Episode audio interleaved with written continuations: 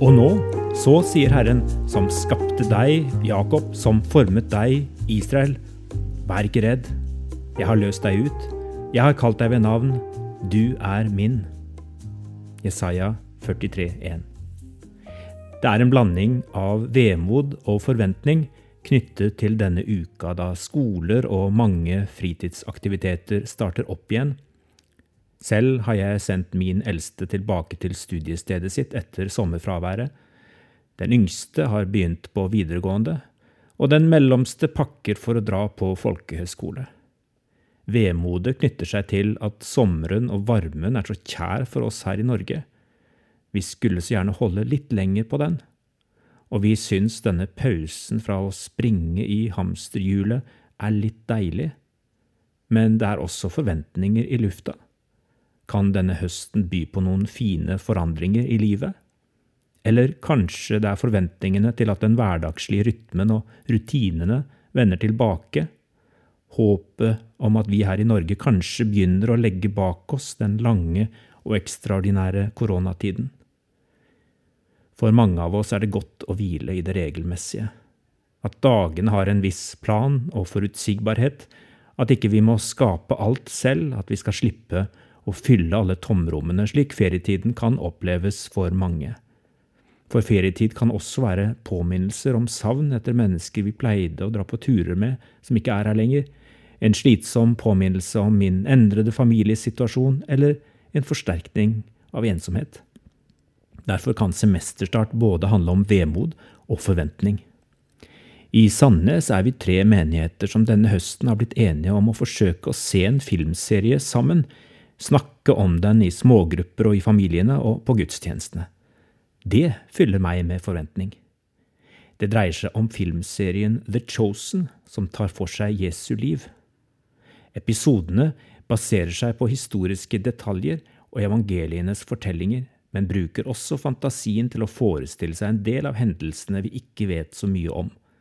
Det er altså ikke en helt tradisjonell bibelserie, men den stimulerer til å oppdage nye sider av Jesus og nærme seg evangelienes Jesus på en fornyet måte.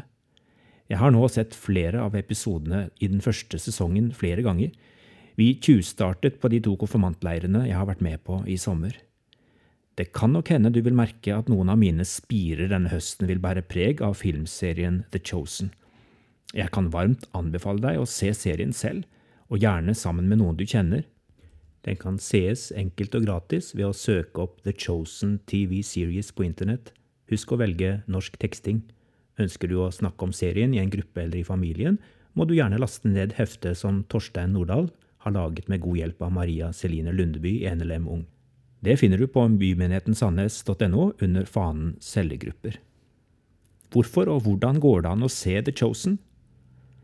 Å følge Jesus er vår oppgave som kirke og som kristne.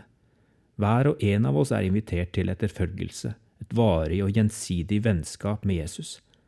Dette er fine ord, men uten refleksjon og erfaring kan det fort stoppe opp for oss der.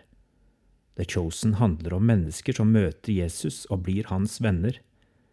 Vi ser The Chosen for å få en smak av Jesu liv, og slik komme nærmere bibelteksten og et avgjørende vennskap med Jesus.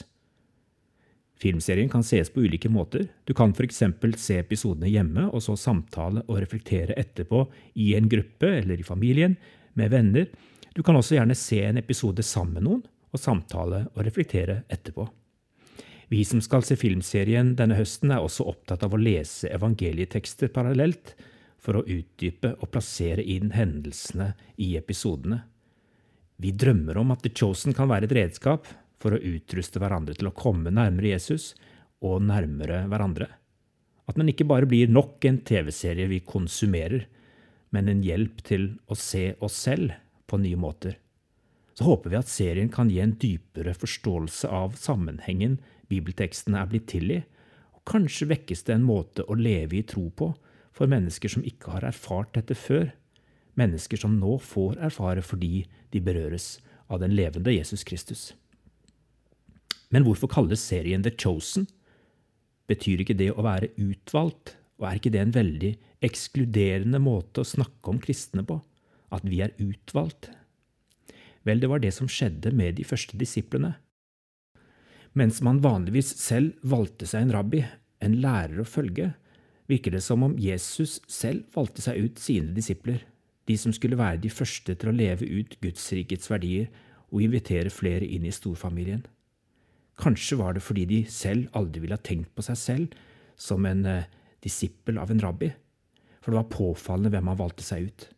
Du vil se at de var en virkelig brokete forsamling kvinner og menn, svært ulike de ofte velutdannede, velstående og ryddige menneskene som fulgte andre lærere. Vi får en forsmak på den forunderlige kirken, det kristne fellesskapet som ofte skuffer meg. Har vi ikke kommet lenger, kan jeg tenke. Hvorfor begår vi de samme feilene i generasjon etter generasjon? Men fortsatt er det vi som er kirken. Utvalgt ikke fordi vi er hellige og utlærte. Vi er utvalgt til å bli hellige i ham og gjøre Guds godhet tilgjengelig for flere. Hva er dine forventninger til denne høsten? Og nå, så sier Herren som skapte deg, Jakob, som formet deg, Israel, vær ikke redd. Jeg har løst deg ut. Jeg har kalt deg ved navn. Du er min. Ha en velsignet dag og en velsignet start på et nytt semester.